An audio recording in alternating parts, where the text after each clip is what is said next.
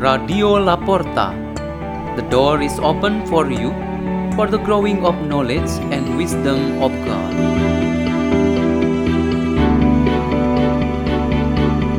Delivered by Bernadetta Lembayung Hapsari and Simona Surya from St. Peter School in Jakarta, Indonesia.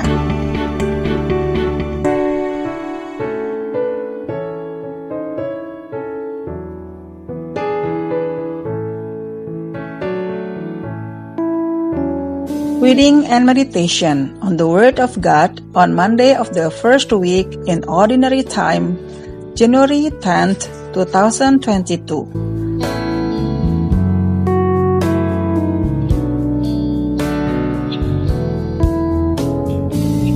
The reading is taken from the Holy Gospel according to Mark chapter 1 verses 14 to 20.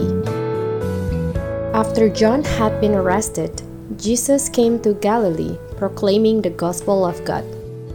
This is the time of fulfillment. The kingdom of God is at hand.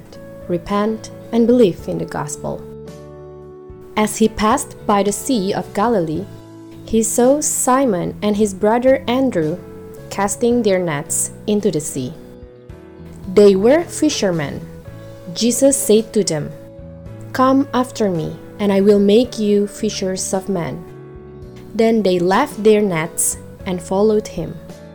He walked along a little farther and saw James, the son of Zebedee, and his brother John. They too were in a boat mending their nets. Then he called them. So they left their father Zebedee in the boat, along with the hired man, and followed him. The Gospel of the Lord.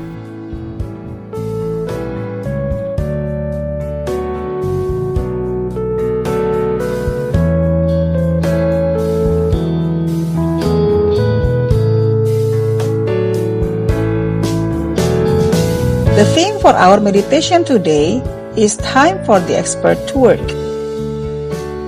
After the Christmas season in the period of pandemic COVID-19, we now begin the ordinary time in our liturgical year that reminds us about the profile of John the Baptist. He had accompanied us in the period of Advent, moments before Christmas, and during the Christmas season. What John the Baptist always highlighted was his testimony of the Lord Jesus Christ through all his preaching ministries. And the important of all was the moment he baptized Jesus in the Jordan. After that particular event of baptism in the Jordan, the question should be asked for is what was John the Baptist's next duty? John himself gives us the answer, which is as he said, he must increase but I must decrease. The incident of John's arrest, imprisonment, and finally killed by the King Herod proved his own words.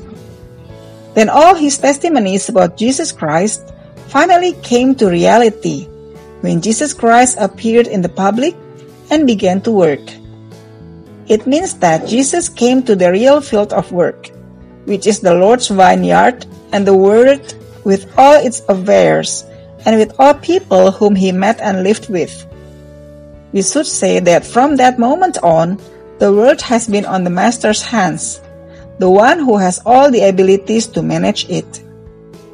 We mean that Jesus Christ is a true expert. He was sent by the Father to renew the world and to be the way of salvation for all people. This duty cannot be managed by any other expert or prophet or leader except himself. In other words, as the first book of Samuel says in the first reading, we must put God's interest and will above all things. Elkanah and Hannah made their commitment to follow the will of God and made it the priority for their lives. They were like many other messengers of God who come and go throughout the history of salvation. They were all persons sent by God with their respective advantages but also disadvantages. Then, after the last prophet John the Baptist, it was the beginning of the new era. which has been the time for God to speak and act through His own Son. The presence of Jesus Christ is the presence of God Himself, as He speaks plainly that He is the Lord. Jesus Christ, who is the true expert for the salvation of the world, is none other than our Lord. He never spoke or acted on behalf of anyone, because those who spoke on behalf of others were prophets. For example, a prophet always said, God says. On the other hand, Jesus Christ in his words, he always says, I say to you. Or on his deeds, he says, I do this, and I make that. Today, the Gospel reveals on how he did it alone in choosing the disciples. And he said, Come, follow me. Jesus did not use on behalf of the other person.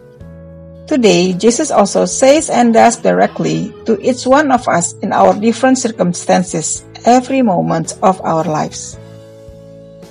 Let's pray. In the name of the Father, Son, and the Holy Spirit. Amen. O Lord, make us always willing to accept the invitation to follow you and fulfill the works you have entrusted us. Glory be to the Father, and to the Son, and to the Holy Spirit, as it was in the beginning, now, and ever shall be, world without end. Amen. In the name of the Father, Son, and the Holy Spirit. Amen. Radio La Porta. The door is open for you.